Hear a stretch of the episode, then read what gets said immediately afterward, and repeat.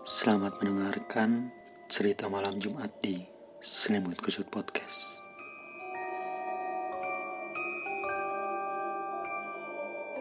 Masih ku ingat jelas tentang kisah ini, di mana ini adalah pengalaman pertamaku dengan makhluk yang tidak pernah aku sangka-sangka. Saat itu aku masih duduk di bangku kelas 3 SD, kalau tidak salah di tahun 2004, di mana saat itu aku tinggal di salah satu kabupaten di Kaltim. Rumah kami memang masuk ke dalam gang dan memiliki aura yang angker di sana-sini. Karena di sebelah rumah ada tanah lapang yang ditumbuhi ilalang tinggi dan pohon jambu air yang sudah berumur tua.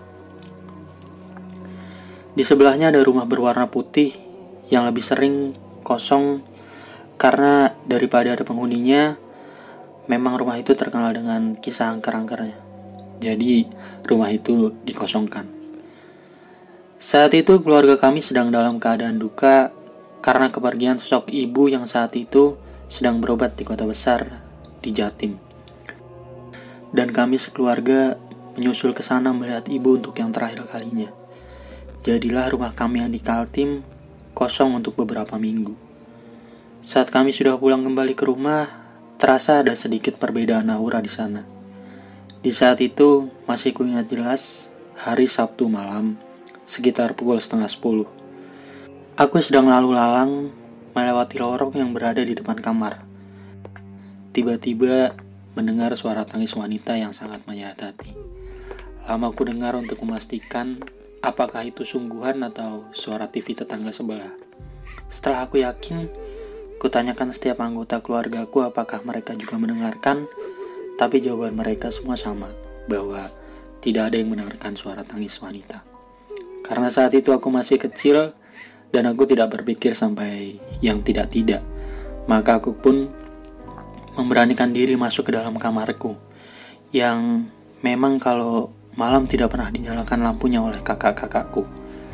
Dan jendela pun selalu dibiarkan terbuka menghadap ke tanah lapang yang terdapat rumah kosong di awal cerita tadi.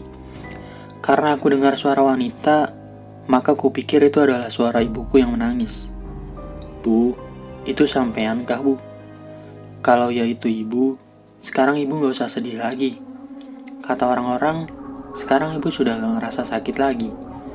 Adek janji kok gak bakal nakal selama ibu gak ada. Jadi, ibu gak usah nangis lagi ya. Setelah mengucapkan itu, air mataku pun menetes.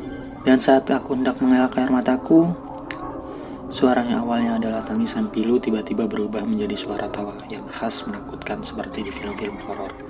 Sontak aku pun tersadar kalau itu bukan sosok ibu yang maksud.